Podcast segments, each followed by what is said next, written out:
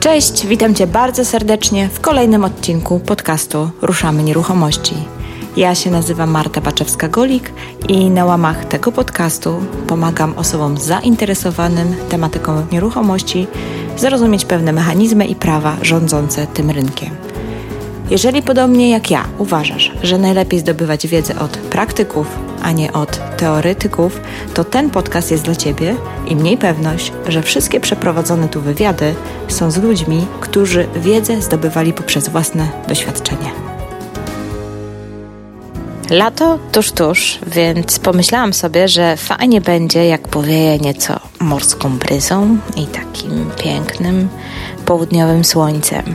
Od dawna przymierzałam się do nagrania odcinka na temat Hiszpanii, ale jakoś tak nie wychodziło. Aż tu nagle jeden z moich kursantów pisze do mnie, że zrobił kurs najem na doby i zainwestował w apartament w Hiszpanii. Miejsce na tyle mu się spodobało, że nie dość, że kupił tam apartament, to jeszcze postanowił rozpocząć swoją przygodę z nieruchomościami tak naprawdę na dobre.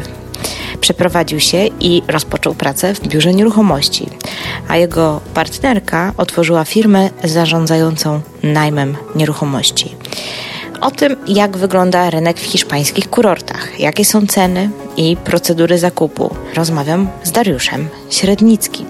Uwaga, uwaga. I jeszcze jedno ogłoszenie na wstępie. Jeżeli poważnie myślisz o inwestowaniu, to muszę Ci się czymś pochwalić, bo jesteśmy z Martą Smith mega podekscytowane naszym nowym projektem, Akademią Kobiecej Strony Inwestowania, którą właśnie odpalamy. Doszłyśmy z Martą do wniosku, że chcemy być jeszcze bliżej naszej społeczności i stworzyłyśmy taki regularny system szkoleń z inwestowania i w ramach Akademii otrzymasz od nas dostęp do blisko 30 webinarów, jakie wspólnie poprowadziłyśmy oraz do regularnych spotkań webinarowych raz w miesiącu. Będą to webinary z nami lub ze specjalistami, gdzie będziemy już tak e, dosyć szczegółowo omawiać różne aspekty inwestowania. Mm, mamy na naszej liście specjalistów od prawa, od podatków, od sztuki sprzedaży, negocjacji i od wielu, wielu innych aspektów. Lista jest naprawdę długa. Będziemy też słuchać Waszych e, sugestii, z czego robić te regularne szkolenia i dostosować się do Waszych potrzeb, także myślę, że to będzie fajne. A ponadto regularnie raz w miesiącu, oprócz tych e, webinarowych spotkań, będziemy dla naszej społeczności prowadzić sesję pytań i odpowiedzi, na której odpowiadamy zawsze na każde pytania. Sesję pytań i odpowiedzi prowadzimy w takim pokoju konferencyjnym Zoom. Pytania można zadawać głosowo lub pisać na, na czacie, także jest to bardzo fajna forma, a my siedzimy i odpowiadamy tak długo, aż odpowiemy na wszystko. Dlatego jeżeli jesteś naprawdę zainteresowany inwestowaniem lub w ogóle mm, tematyką nieruchomości, to koniecznie zajrzyj na stronę bit.ly ukośnik Akademia 2M. Dwa pisane cyfrą, czyli Akademia 2M, czyli Akademia dwóch Mart. Można taki skrót zrobić. Wejdź na stronę, poczytaj i być może e, dołączysz do naszej społeczności i będziemy się regularnie wraz w miesiącu nie tylko słyszeć w podcastach, ale również i widzieć i słyszeć. Także do zobaczenia na Akademii, a tymczasem zapraszam do wysłuchania rozmowy z Darkiem na temat słonecznych wybrzeży Hiszpanii. Cześć Darek. Witam serdecznie. Nazywam się Dariusz Średnicki i profesjonalnie zajmuję się nieruchomościami w Hiszpanii na Costa Blanca. Super. I właśnie dlatego chciałam z Tobą porozmawiać, bo już od jakiegoś czasu myślę o, odcinku hiszpańskim, w sensie hiszpańskim, polskim, ale o hiszpańskim rynku. Więc bardzo się cieszę, że w jakiś e, taki totalnie spontaniczny, ale podobno nie ma przypadków, sposób żeśmy się poznali, bo zdaje się, że Ty kupiłeś jakiś nasz kurs, tak? Czy Twoja dziewczyna, znaczy czy żona? Mogę tak powiedzieć, że wszystko zaczęło się od kursu wynajmu na doby. Już wtedy myśleliśmy o tym, żeby zainwestować w Hiszpanii i po prostu wtedy zapisałem się, to było początek 2018 roku, zapisałem się na kurs i potem przyjechaliśmy do Hiszpanii no i kupiliśmy nasze pierwsze mieszkanie. I od tego się zaczęło. A powiedz, a tak przy okazji Cię zapytam, bo bardzo dużo osób się nas e, pyta, czy robiąc szkolenia właśnie nasze, czy można wykorzystywać tę wiedzę na innych rynkach? Czy to, wiesz, jest jakiś uniwersalny, czy nie? Więc powiedz mi, na ile Ci się przydają informacje z kursu na rynku hiszpańskim? Jak najbardziej można wykorzystywać. No, jest to taka wiedza praktyczna. Właśnie E, ostatnio rozmawiałem też na temat, brałem zresztą udział w, w kilku kursach i wiem, że są osoby, które e, jakby nałogowo biorą udział w kursach, które do, do niczego im się nie przydają. I tak. moje jakby, moja percepcja kursu jest właśnie, czy w jakiejkolwiek szkole jest taka, żeby uczyć się od, od praktyków, czyli od osób, które to zrobiły, powróciły sobie przy tym ręce. Może się pośliznęły, ale to po prostu to jest jakby część procesu, ale potem, żeby jak najszybciej wykorzystać to w praktyce. I właśnie tak było z tym kursem wynajmu na doby, że po prostu tak naprawdę zacząłem go wprowadzać jeszcze zanim ta nieruchomość się pojawiła. Ale od razu tak kupowałeś z myślą o tym, że to będzie inwestycja w Hiszpanii? Oglądałem kiedyś e, film na YouTubie i tam ktoś po prostu powiedział, że inwestuje w Hiszpanii. E, tak naprawdę to nigdy wcześniej w Hiszpanii nie byłem. Wybierałem się nawet dokładnie w to, w to samo miejsce, e, Torre Vieja. To jest taki jakby hiszpański Sopot, bardzo znana miejscowość wśród Hiszpanów. Była rozreklamowana w latach 80. No i bardzo taka malownicza, za, jakby zainteresowała mnie dlatego, że tutaj wydobywa się sól ze słonych jezior, które powstały jakby z morza, mają, mają dostęp do wody morskiej i właśnie w tym rejonie jest tak, że z jednej strony, na przykład my mieszkanie, które kupiliśmy, z jednej strony jest widok na morze, a z drugiej strony jest widok na Różowe Jezioro, które jest e, słone. I to jest jedyne różowe jezioro w Europie z tego co mi wiadomo. Czy jest różowa sól jak himalajska? Sól jest biała, natomiast woda jest różowa, bo żyją tam jakiś, jakiś rodzaj alg i po prostu nawet jak weźmiesz tą wodę, ludzie sobie mm, chodzą w butelkach sobie zawierają tą wodę na przykład i ona jest różowa. Normalnie ma różowy kolor. Bo ty wcześniej mieszkałeś w Wielkiej Brytanii. Tak, mieszkałem, przez 13 lat mieszkałem w Wielkiej Brytanii. To powiedz, dlaczego tam nie zacząłeś inwestować? W moim życiu w ogóle było tak, że mieszkałem w kilku krajach i w każdym kraju, do którego przyjeżdżałem, robiłem coś, czego nigdy wcześniej nie robiłem. Czyli w nieruchomości w Hiszpanii to jest dokładnie jakby powtórzenie tego procesu, czyli w Wielkiej Brytanii zajmowałem się czym innym, miałem inny biznes, e, przyjechałem do Hiszpanii, e, zakochałem się w Hiszpanii i postanowiłem się przeprowadzić, sprzedałem biznes w UK i zacząłem nieruchomość. Kupiłeś jedną czy dwie nieruchomości? Zaczęło się wszystko od jednej nieruchomości, od, od e, mieszkania, które tak naprawdę kupiliśmy jakby dla siebie i urządziliśmy tak jakby dla siebie z myślą o tym, że będziemy przyjeżdżać, a potem się okazało, że ponieważ to tak zrobiliśmy, czyli zgodnie z, z zasadami, które, których, których, których nauczyłem się w kursie, czyli e, system, bookingi, jakby taki zrobiliśmy home staging, w ogóle ciekawa rzecz, bo zrobiliśmy to wszystko, bo tak jakby kontrakt się trochę opóźnił. My przyjechaliśmy na ograniczoną ilość czasu i zrobiliśmy to w 55 godzin. Czyli całe wyposażenie mieszkania, włącznie z podłączeniem internetu, z dostawą mebli, z wyrzuceniem dwóch ton starych mebli i tak dalej. Czyli po prostu była bardzo, bardzo krótka, bardzo szybka to była akcja, tak? I w ciągu tygodnia po tym Wstawiłem to mieszkanie na mm, Channel Manager i na Booking i na Airbnb i w ciągu tygodnia mieliśmy pierwszych gości. To był czerwiec, więc to był tak już początek sezonu, ale właśnie to bardzo szybko poszło i okazało się w sumie, że nie używamy tego mieszkania, natomiast przeprowadziliśmy się do Hiszpanii i ponieważ to mieszkanie zostało urządzone jakby tak z taką myślą, żeby była taka domowa atmosfera, żeby tam było fajnie i tak dalej, Zresztą samo mieszkanie też, bo ma właśnie fajny balkon 35-metrowy, jest miejsce parkingowe, osiedle zamknięte i na przykład basen do dyspozycji, więc można sam w ogóle nie wychodzić. E, więc to tak samo jest taki profil klienta, któremu też to się podoba. Czyli przyjeżdża sobie tak się, żeby się totalnie wyluzować i więc ta strategia jakby robienia tego dla siebie e, sprawdziła się również w wynajmie. Super. I kiedy zjechaliście do Hiszpanii, tak, żeby już tam zamieszkać? E, to w tamtym roku, niedługo po tym, jak właśnie po tym zakupie mieszkania, dlatego że będąc tutaj, to bardzo mi się tutaj spodobało i agentka, z którą przeprowadziliśmy tą transakcję, wszystko tak jak ona po prostu obiecała, wszystko było tak zgodnie z planem. Jedyna rzecz to był tam poślizg e, w kontrakcie, bo Tutaj właśnie w Hiszpanii tak się zdarza, dlatego że dużo mieszkań, większość tak, tak naprawdę nieruchomości właściciele tutaj nie mieszkają. Czyli właściciel był Rosjaninem i on po prostu zamiast w piątek przyleciał w poniedziałek. No i dlatego się to przesuwa. No i rozmawiałem z tą agentką i powiedziałem jej, słuchaj, no tak mi się tutaj tak podoba, że chciałbym tu zostać.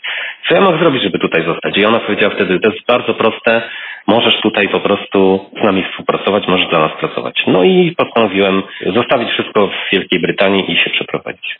Czyli zostałeś agentem nieruchomości. Tak, zostałem agentem nieruchomości też, bo kiedyś e, słuchałem jakiegoś webinaru, z którym powiedziałaś, jak było jakieś, to, to było jakieś, nie pamiętam czy to było szkolenie, ale ty powiedziałeś, że bardzo ci się podoba twoja prowizja dlatego, dlatego wynajem tak, różne, różne formy, bo dlatego, że to było jakieś szkolenie na temat, czy też rozmowa na temat tego, że nieruchomości to jest ogromna, ogromne spektrum, że można robić home staging, wynajem krótkoterminowy, długoterminowy, różne rzeczy. A ty powiedziałeś, że tobie się podoba właśnie ta część, bo są fajne prowizje i no i postanowiłem jakby e, z tej strony.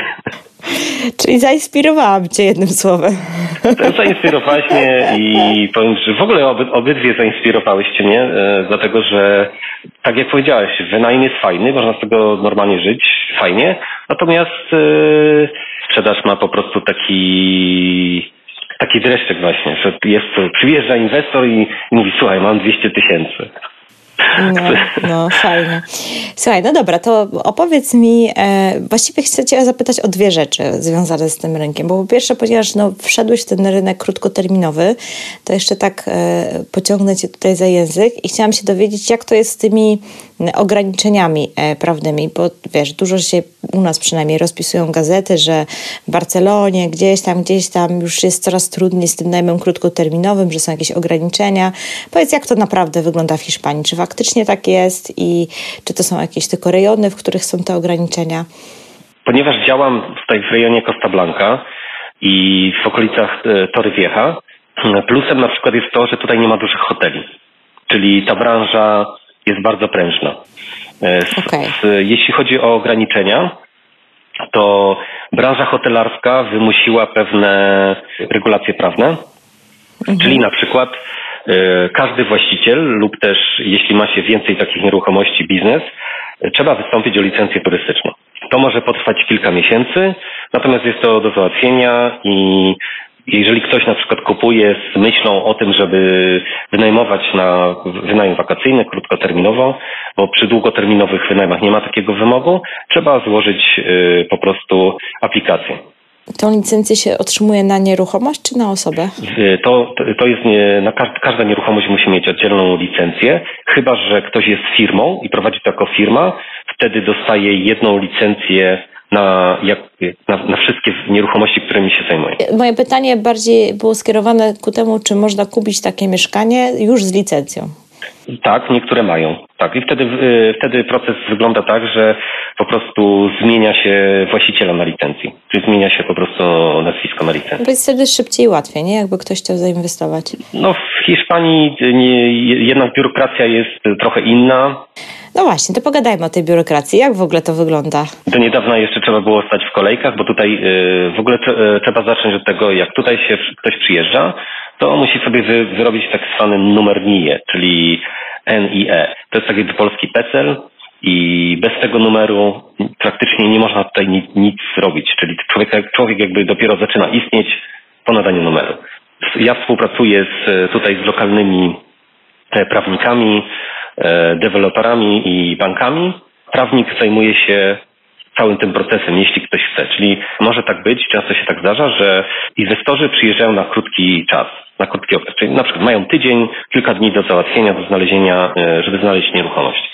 Znajdują tą nieruchomość i wtedy udajemy się do prawnika, podpisujemy zgoda na, na to, żeby prawnik reprezentował daną osobę i, i, od tego momentu prawnik już może dokonać wszystkich formalności, związanych z zakupem łącznie z podpisaniem kontraktu. Czyli tej osoby fizycznie nie musi tutaj być, czyli inwestora czy kupującego fizycznie nie musi być na miejscu, żeby dokonać transakcji. A samo właśnie, sama procedura zakupu to jest jakaś skomplikowana? Dużo trzeba jakieś formalności wypełniać? Sama procedura zakupu jest bardzo prosta. Jest notariusz tak jak w Polsce. Warto mieć prawnika. On wtedy sprawdzi nieruchomość pod względem prawnym, czy są zaległości, czy jest e, kredyt na, to, na tą nieruchomość i tak dalej. A wy jako agencja e, nie zajmujecie się takimi rzeczami?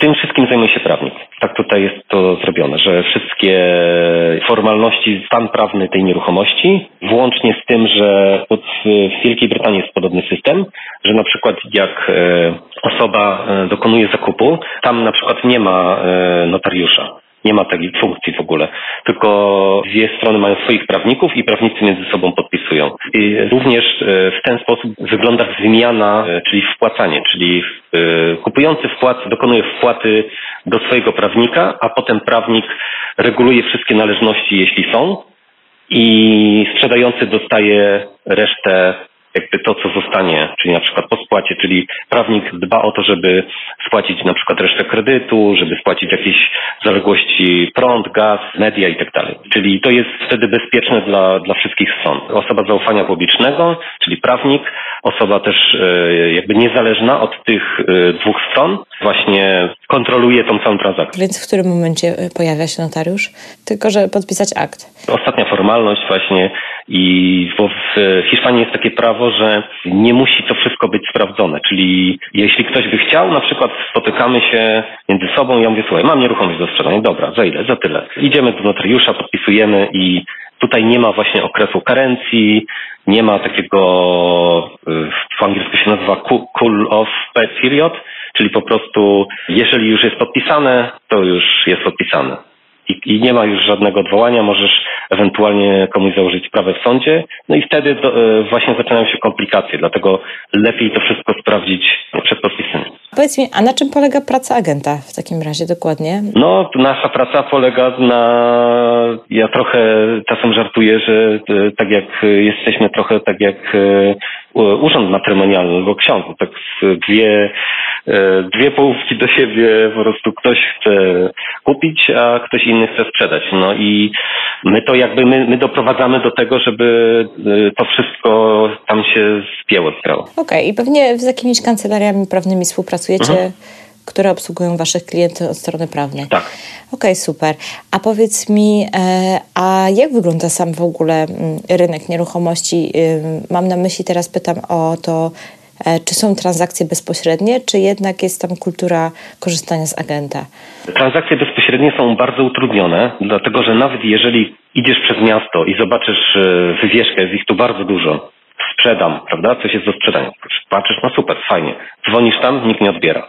Albo jest po prostu utrudniony kontakt. Właściciele są za granicą. Więc yy, przeważnie są telefony do agentów yy, lokalnych, i można znaleźć, no różnie to wygląda. No czasem jest tak po prostu, że e, w większości w ogóle przypadków jest tak, że przychodzą do nas ludzie, którzy nas znają. Czyli na przykład ktoś jest moim sąsiadem, ktoś mnie zna, prawda, i wtedy przychodzi do mnie, ktoś, ktoś już u mnie kupił lub sprzedał, ktoś wcześniej kupił, a teraz mówi, dobrze, ale chcę, jednak tutaj nie ma szkoły dla moich dzieci odpowiedniej, albo, no tak pewnie w Polsce jest podobnie. Może jeszcze może, może, nie, może nie aż tak, bo na przykład w Anglii to na przykład ludzie nie przywiązują się do domu, czyli czy w Ameryce. Tam jest po prostu kupuję dom, no, za rok, okej, okay, o tutaj fajniejsze się zbudowali, to, to tam się przeprowadza, a potem tam. I po prostu jakby nie ma tego takiego przywiązania do, już kupiłem dom, dom jest na całe życie i tak dalej. Zresztą to są w większości e, domy wakacyjne, bo też mamy kilka rodzajów klientów, prawda, kupujących. Po co te ci ludzie kupują? No tak. No tak, czyli ten rynek raczej bezpośrednich transakcji mały jest. Raczej, raczej jest mały, chociaż no, są portale, na których można znaleźć, ale i tak na przykład ja polecam, e, żeby zrobić to przez prawnika, bo w obcym kraju łatwiej się jest pośliznąć, prawda? w Polsce na przykład wiemy, jak to ma działać, a tutaj niekoniecznie. Słuchaj, a jakby ktoś chciał w Hiszpanii zainwestować, to z jakim wydatkiem musi się liczyć? No, na przykład taki jakiś apartament na wynajem krótkoterminowy, z którego może od czasu do czasu sam, sam również korzystać. Więc w tej chwili najtańszy apartament, który mam e, dostępny jest, to jest 35 tysięcy euro. Mhm. A najdroższa willa to jest 5 milionów e, w, w, wersji podstawowej.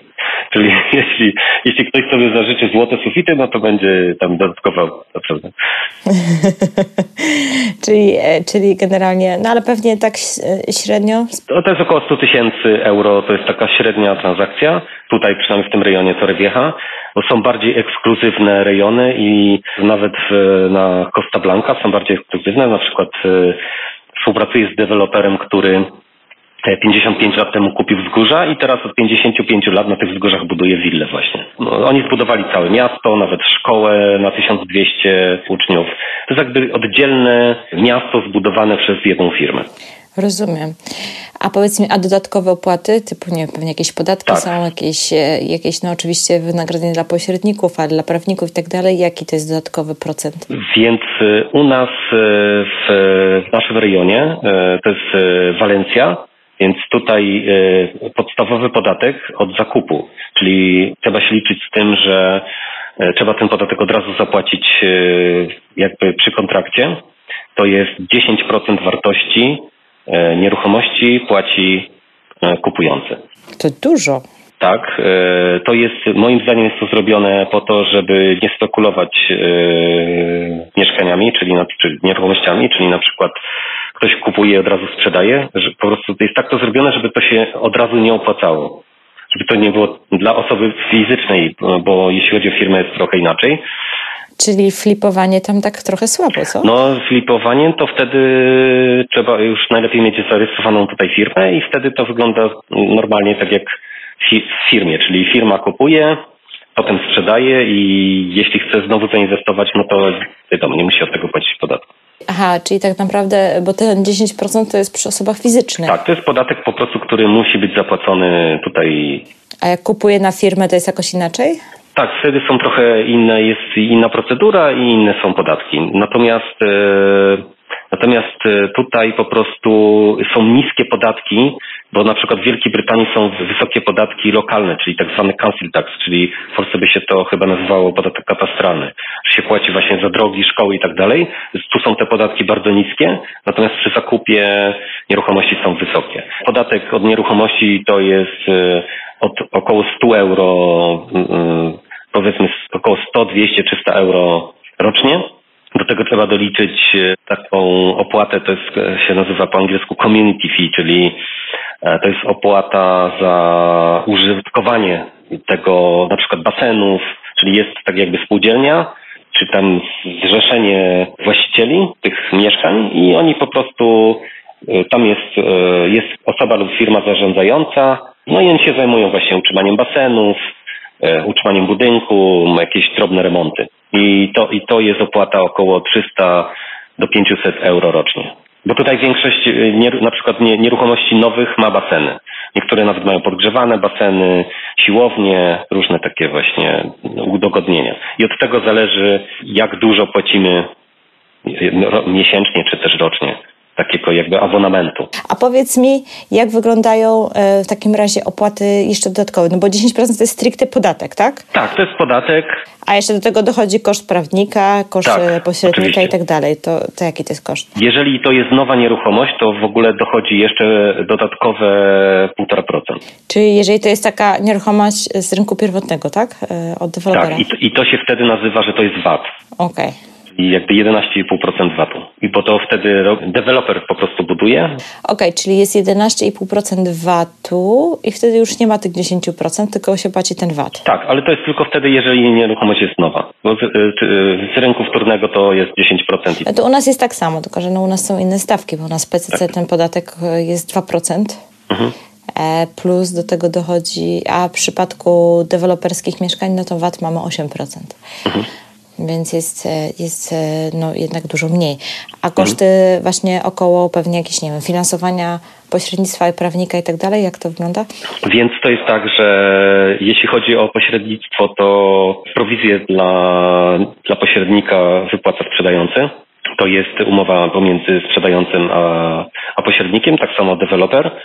I na przykład y, y, jeśli chodzi o deweloperów tutaj, to oni trzymają cenę, czyli nie ma czegoś takiego, że, że ktoś pójdzie do dewelopera i dostanie niższą cenę, bo ominie pośrednika. Nie ma czegoś takiego. Po prostu deweloper ma cenę i koniec. O, jeżeli pójdziesz bez, bez pośrednika, to po prostu e, deweloper zarobi więcej.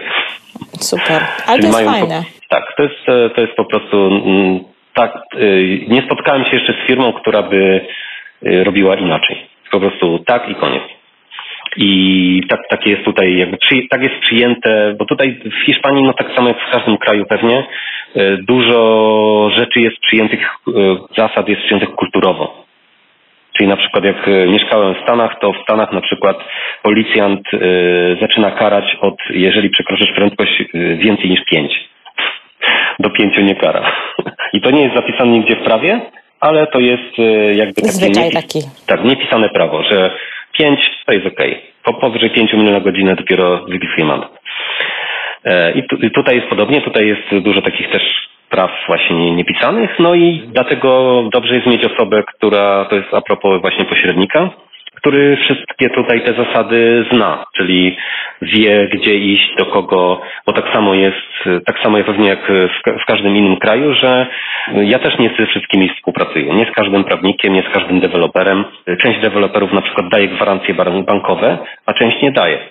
I ja na przykład współpracuję tylko z deweloperami, którzy dają gwarancje bankowe, czyli zaliczka, którą wpłaca e, kupujący, e, jest deponowana na specjalnym koncie i tą te pieniądze trzyma bank, nie deweloper. Deweloper nie może z nich korzystać. Dopiero jak e, kontrakt zostanie podpisany, dopiero wtedy pieniądze prze, jakby stają się własnością dewelopera. No to u nas też jest taka tendencja, żeby do tego mhm. dojść i już są wprowadzane te rachunki powiernicze, mhm. z tym, że jeszcze ciągle funkcjonują rachunki powiernicze otwarte, mhm. tak okay. zwane. Są zamknięte i otwarte. I otwarte polegają na tym, że też e, klienci wpłacają, a jak deweloper ukończy odpowiednie etapy budowy, to wtedy może zwalnić odpowiednie transze okay. z tych pieniędzy, nie? Ale no, pewnie to jest kwestia czasu, kiedy w ogóle się od tego odstąpi, nie? Gdzie będą jednak rachunki powiernicze zamknięte, czyli właśnie takie, które są uruchamiane po zakończeniu budowy. No tutaj są różne systemy i każdy deweloper postępuje jakby zgodnie ze swoimi zasadami.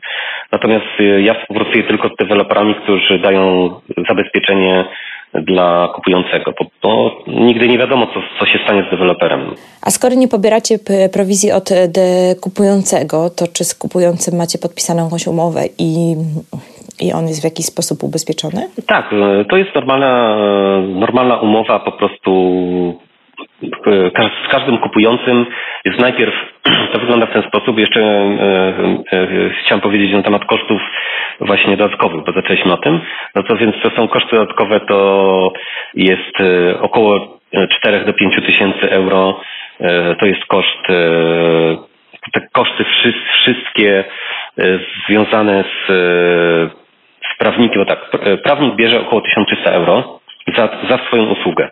I następnie y, są koszty y, notariusza, koszty sprawdzenia ksiąg, ksiąg, ksiąg wieczystych i tak dalej, y, wpisania na przykład potem do ksiąg. I na przykład u notariusza jest podobnie jak w Polsce chyba, że opłata zależy od tego, od, od wartości nieruchomości. Nie jest ona jakby linearna, czyli na przykład od 100 tysięcy płacisz 1%, czy od 200 tysięcy 1%, tylko po prostu ona wzrasta, jest jakaś jedna opłata ustalona na przykład 300 euro e, za 100 tysięcy, a na przykład za 200 tysięcy jest 400 euro. I tak, I tak to wzrasta po prostu. Im, Im droższa nieruchomość, tym opłata jest wyższa. Jest część stała tych e, kosztów, czyli na przykład opłata dla, dla prawnika, no i jest część ruchoma, która może się zmieniać w zależności od wartości nieruchomości. Ale generalnie jest około 4-5 tysięcy euro.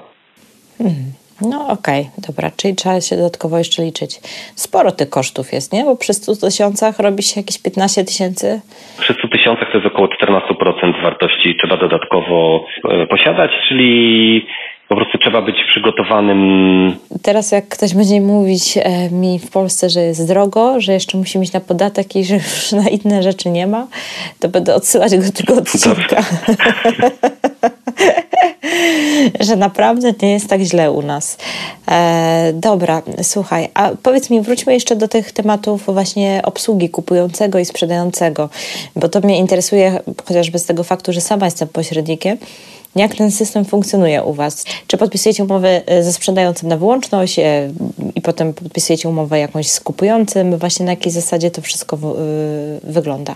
Zwyczajowo Hiszpanie na przykład nie lubią podpisywać umów. Dlatego miałem taką prostą umowę na sprzedaż 90 dni, 90-dniową, która się przedłuża automatycznie po, tych, po tym okresie. Jest to bardzo prosta umowa z, ze sprzedającym. I bardzo rzadko też e, sprzedający chcą podpisywać umowy na wyłączność. No, natomiast w każdym razie są dwie opcje i mamy część nieruchomości, które są na wyłączność, a część e, po prostu e, sprzedają również. Czyli praktyka jest taka, że jednak pracują z wieloma agentami? Tak. Tak, i tutaj często jest tak, na przykład mamy nieraz taką sytuację, że na przykład agent ma klucze do nieruchomości, która już została sprzedana.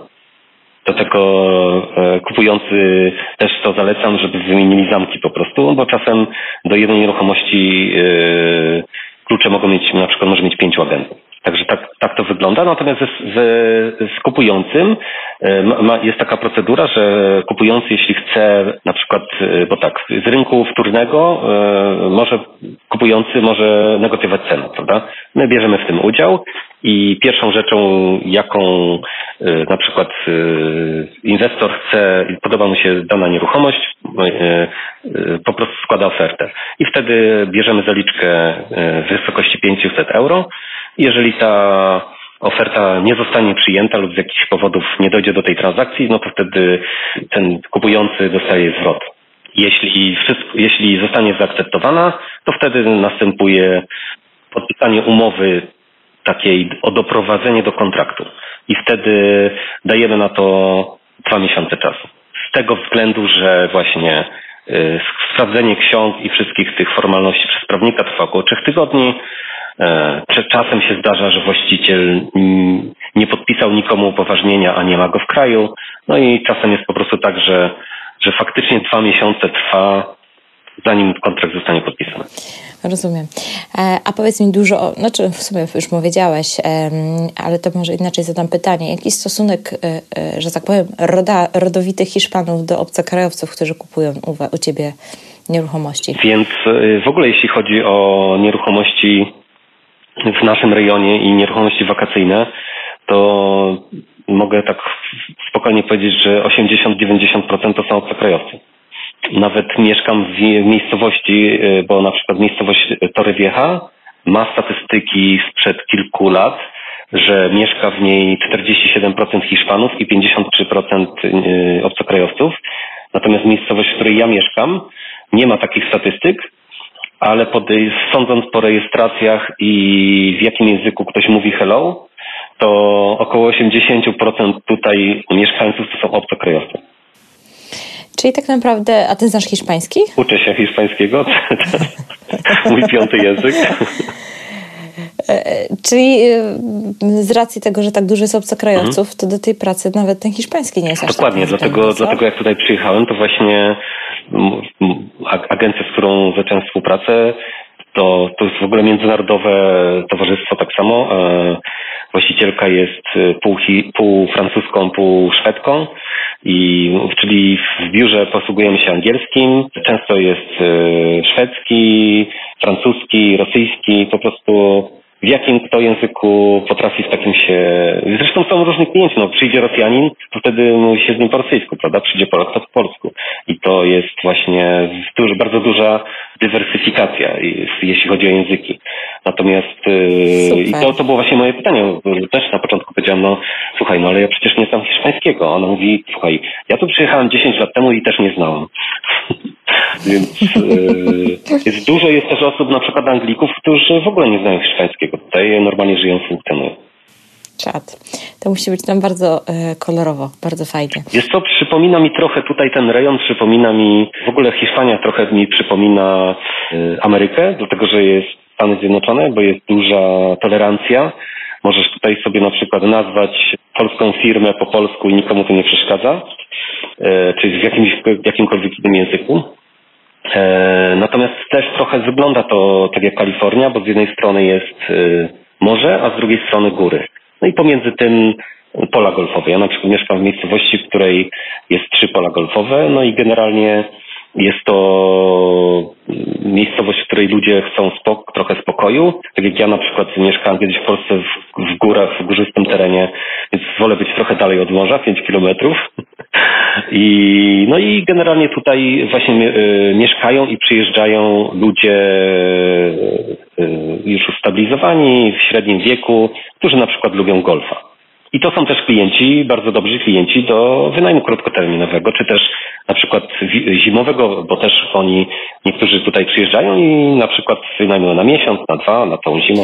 Słuchaj, a powiedz mi, bo ty wspomniałeś też mi, jak rozmawialiśmy jeszcze przed nagraniem, że zajmujesz się zarządzaniem takich apartamentów. To w ramach tej agencji, czy ty to robisz już e, jako oddzielny temat? To jest jakby oddzielna firma, która się zajmuje po prostu zarządzaniem wynajmem. Czyli taki, taką kompleksową usługę też oferujesz dla swoich klientów. Tak. Że jeżeli ktoś kupi e, i chce to wynajmować dla turystów, to ty możesz mu to obsługiwać. Tak, tak oczywiście. Tutaj jest taka podstawowa usługa, to jest e, tak zwane trzymanie kluczy, czyli po prostu e, dużo jest, bo tutaj też większość, tak naprawdę większość tutaj, to jest takie wrażenie, jak się przyjedzie, że, że osiedla są puste. W ogóle tu jest bardzo dużo budu, e, się buduje, natomiast e, bo samo miasto jest, ma około 100 tysięcy mieszkańców, a wszystko jest o wiele większe, czyli drogi są szerokie, szpitali, jest dwa szpitale na przykład na taką miejscowość ogromne.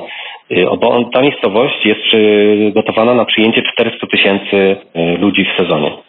I dlatego jak tu się przyjedzie nawet teraz, to się wydaje, że jest pusto, dlatego że większość osób tutaj po prostu kupił, one mają swoje mieszkanie i w ogóle nie wynajmują go, tylko on jest tylko dla nich. Czyli jest willa albo mieszkanie i on stoi i czeka, aż ktoś do niego przyjedzie, właściciel właśnie. Raz w roku, może dwa. No i wtedy on, e, ten właściciel potrzebuje taką osobę, która ma klucze i na przykład raz w tygodniu idzie podleć kwiatki, sprawdzić, czy tam wszystko w porządku. Na przykład w święta mieliśmy trzy dni deszczu, gdzie spadło 200 litrów wody na metr i wtedy trzeba odwiedzić te nieruchomości i zobaczyć, czy tam wszystko w porządku, bo tam yy, może na przykład dach przecieka albo coś z tych. Także po prostu takie na tej zasadzie. Czyli takie, takie pilnowanie nieruchomości bardziej to jest, to jest... Tak, tak. I to jest, to jest taka podstawowa usługa, bardzo tutaj popularna i większość właścicieli z niej korzysta. A następnie to jeśli, jeśli ktoś chce wynajmować swoje mieszkanie na krótki termin na przykład, no to wtedy potrzebuje kto, kogoś, kto będzie wpuszczał gości, tak, wpuszczał gości i sprzątał. Bo też e, jeśli chodzi o wpuszczanie, właśnie to jest tutaj wymóg lokalnej policji, żeby wziąć dane, trzeba wziąć dane tej osoby i wpisać na specjalną stronę internetową, bo tutaj, tutaj, tutaj takimi rzeczami zajmuje się policja po prostu. Wszystko, cokolwiek chcesz zrobić, czy, czy wystąpić na przykład o PESEL, ten nie number, czy też e, o rezydenturę, czy o potwierdzenie adresu, to w tym wszystkim się zajmuje policja. Czyli taki self-check-in jest raczej mm, trudny tam?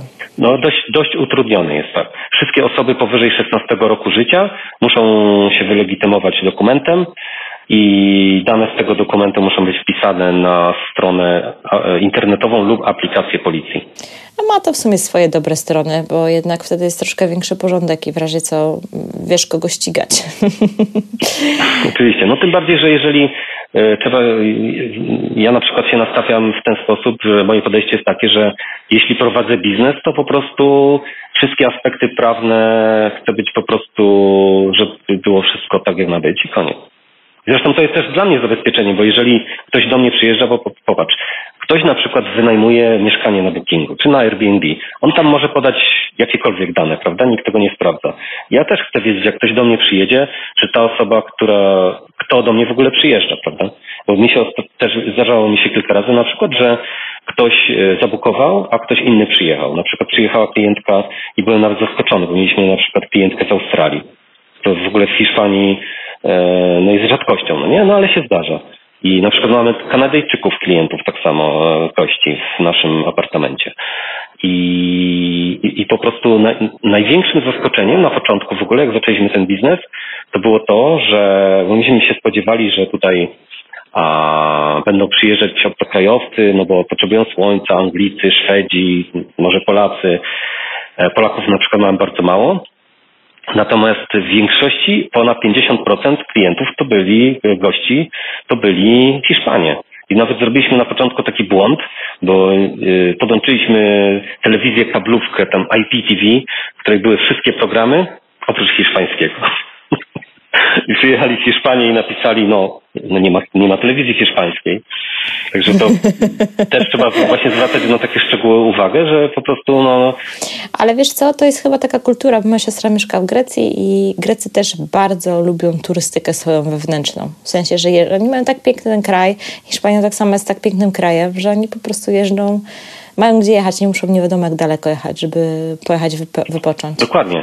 Ale to właśnie my, no tak, bo Hiszpanii, o Hiszpanii jest takie wyobrażenie, że to jest morze, ciepło i w ogóle Morze Śródziemne, prawda? Natomiast Hiszpania ma ocean, e, Hiszpania ma góry, e, tu są różne klimaty. Na przykład właśnie do, nas, w nasz rejon, bardzo dużo przyjeżdża mieszkańców Madrytu, bo w lecie w Madrycie jest bardzo gorąco i tam nawet dzieci mają trzy miesiące wakacji, bo po prostu tutaj jest chłodniej na wybrzeżu. Także dlatego to, to, to są takie rzeczy, o których nawet może nie, nie myślimy, w, nie, prze, tak, nie, nie przewidzimy, dlatego że no wiadomo, jesteśmy w, w nowym kraju i tutaj mentalność jest zupełnie inna. Mam jeszcze jedno do Ciebie pytanie, jeszcze a propos obcokrajowców i ewentualnych, nie wiem, e, norm, które, nie wiem, formalności, które muszą wypełnić, albo może jakieś są ograniczenia e, dla niektórych e, narodowości przed zakupem. Jak to wygląda? Więc ograniczeń jako takich nie, nie ma, szczególnie dla dla obywateli Unii, więc jesteśmy obywatelami Unii, możemy spokojnie przyjeżdżać, mieszkać, żyć, inwestować. E, niektóre banki mają ograniczenia, że na przykład nie, nie dają kredytów dla osób, które nie zarabiają w euro. To jest też takie trochę może dziwne, ale tak właśnie jest, że na przykład e, jest bank, e, Deutsche Bank na przykład nie daje kredytów, jeśli ktoś zarabia w funtach albo w złotówkach. Tylko chcą, żeby zarobki były w euro. Są inne banki, oczywiście, są inne banki, które dadzą. Sytuacja prawna w ogóle, osoby, która tutaj przyjeżdża czy inwestuje, jest taka, że, że, że ta osoba jest nierezydentem i wtedy zarówno z podatków, jak i wszystkie formalności, e, czy ma status nierezydenta po prostu. I to jest zupełnie inne, na innych zasadach, czy musi się rozliczać na przykład e, z podatku e, niż rezydent. I tak samo, a jeśli chodzi o nieruchomości, to jest w ogóle zupełnie inaczej, bo, bo z podatku trzeba rozliczać się co trzy miesiące, czyli co kwartał. Czyli z tego, z tego zarobku, jeśli coś zarobiliśmy na, na wynajmie na przykład, to wtedy e, rozliczamy się z tego co trzy miesiące, a dodatkowo jeszcze rocznie e, musimy się rozliczyć jako nierezydenci z tego e, okresu, w którym nie wynajmowaliśmy mieszkań. A czy taki nierezydent może tam założyć działalność gospodarczą? Tak, albo jakąś firmę? Tak, oczywiście. Normalnie bez problemu można przyjechać, założyć działalność gospodarczą. Zresztą też tak zrobiłem. I to normalnie tutaj działa tak jak w każdym innym państwie europejskim. Są też przepisy niektóre unijne, a niektóre tutaj wewnętrzne, ale generalnie prowadzenie działalności jest tutaj bardzo uproszczone. To jeszcze jedno pytanie a propos finansowania, e, bo mówię, że są banki, które udzielają kredytów nawet dla osób, które nie zarabiają w euro. E, czego wymagają banki? Co, co trzeba im dowieść, żeby faktycznie E, no, rozważyły nadanie ci kredytu. I, I od razu dodam, czy jeżeli kupuję nieruchomość na biznes, w sensie takim, że będę ją wynajmować, czy ewentualnie dochód z tej nieruchomości też te banki biorą pod uwagę, czy nie? E, jeżeli ktoś przyjeżdża z obcego kraju, zawsze jeśli, jeśli ktoś ma możliwość finansowania w swoim kraju, to polecam, dlatego że w swoim kraju zawsze dostaniemy lepsze warunki. E, nie wiem, jakie są na przykład oprocentowania w Polsce w tej chwili, ale na przykład w niektórych krajach, na przykład w Niemczech, możesz dostać e, kredyt na nieruchomość, e, który jest oprocentowany 1%. Tutaj na przykład dostaniesz powiedzmy w granicach 3-3,5%. I też w zależności, czy to jest 70% wartości nieruchomości, czy, czy mniej, prawda? Bo to jest właśnie, to jest bardzo ważne. No, znaczy ja to myślę, że są porównywalne warunki do polskich. Ale poza tym nie mam przekonania, czy polskie banki kredytują nieruchomości za granicą. Tak, tak. W niektórych krajach kredytują, jest, w innych nie. To jest problem. Dokładnie. No właśnie. E, więc, więc to trzeba, jest, jest kilka rzeczy właśnie takich, które trzeba wziąć pod uwagę. No generalnie e, takie same dokumenty jak w, jak w innych krajach, czyli potwierdzenie zarobków, wyciąg z e, historii kredytowej, e, dokumenty, paszporty.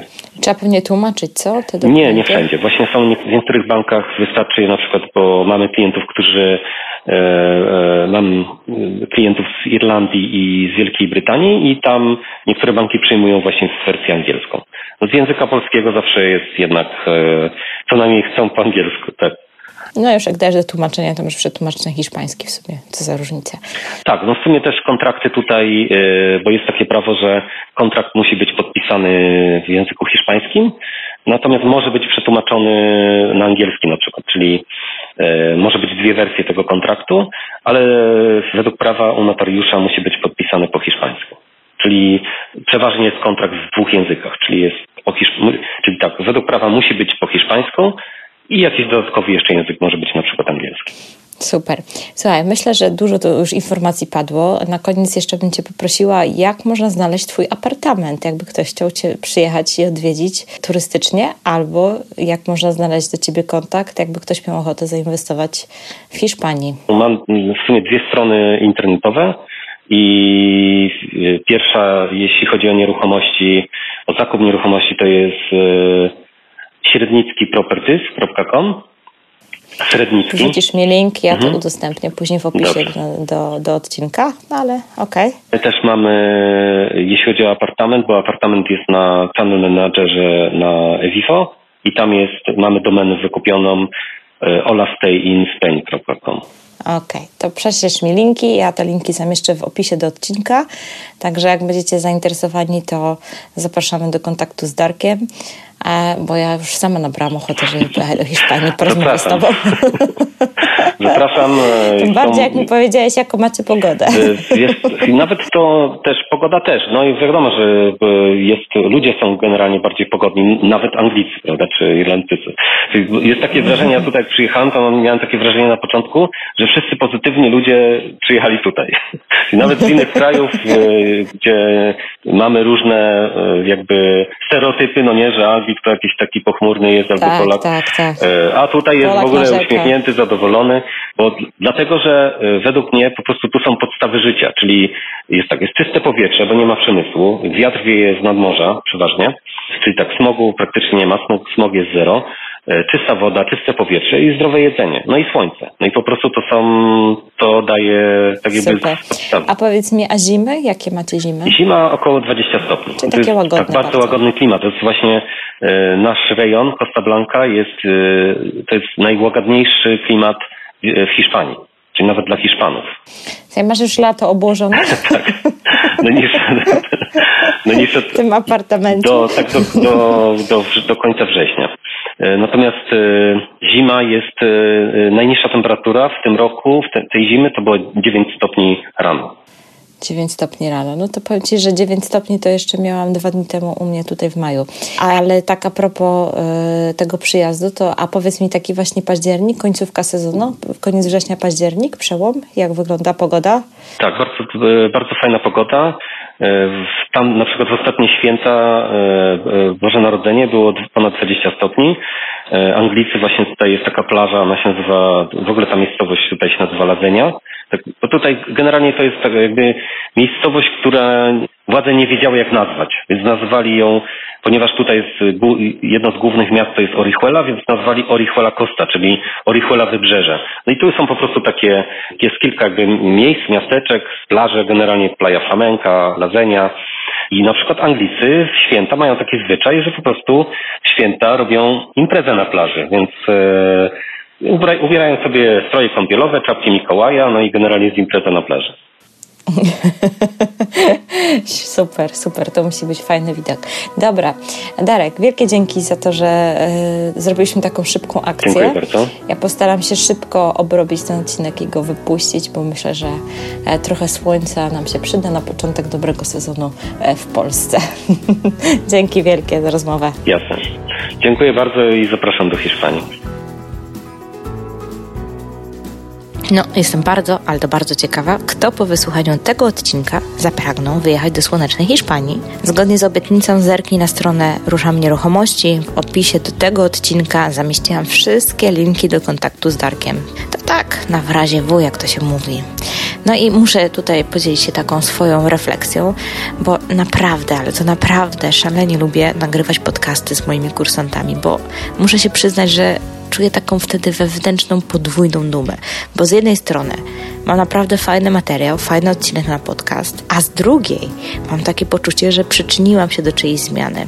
To jest naprawdę ogromna satysfakcja. Darek w podcaście nie wspomniał, ale on jeszcze przed wyjazdem do Hiszpanii, a mm, wyjechał w 2018 roku, czyli stosunkowo niedawno, wykonywał zawód fizjoterapeuty, więc no zupełnie, zupełnie czymś innym się zajmował. A teraz właśnie już y, mieszka od ponad roku w cudownej Hiszpanii, zainwestował we własny apartament, wynajmuje go na krótki termin. Sam odnalazł się w pracy agenta nieruchomości, a jego partnerka rozwija firmę zarządzającą najmem apartamentów. I wszystko to dzięki temu, że trafił na nasz kurs najem na doby, na nasze webinary i podcasty oczywiście. Po prostu wow. To się nazywa wpływ, impact, jak to mówią anglosascy przyjaciele.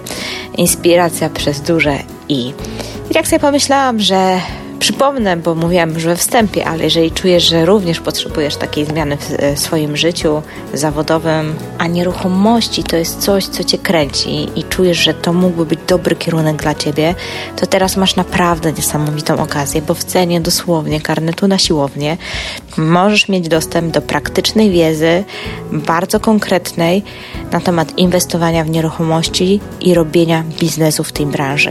Innym słowy, masz tam wskazówki dokładnie, jak zarabiać w nieruchomościach. Dostęp do naszych archiwalnych szkoleń, jakie z Martą podprowadziłyśmy na żywo, oraz dostęp do nowych eksperckich webinarów oraz do regularnych sesji pytań, odpowiedzi z dwiema Martami, czyli ze mną i z Martą Smith. Także koniecznie wejdź na stronę bit.ly ukośnik Akademia 2M i dowiedz się więcej na temat Akademii Kobiecej Strony Inwestowania. A tymczasem bardzo, bardzo serdecznie Cię pozdrawiam i do usłyszenia niebawem.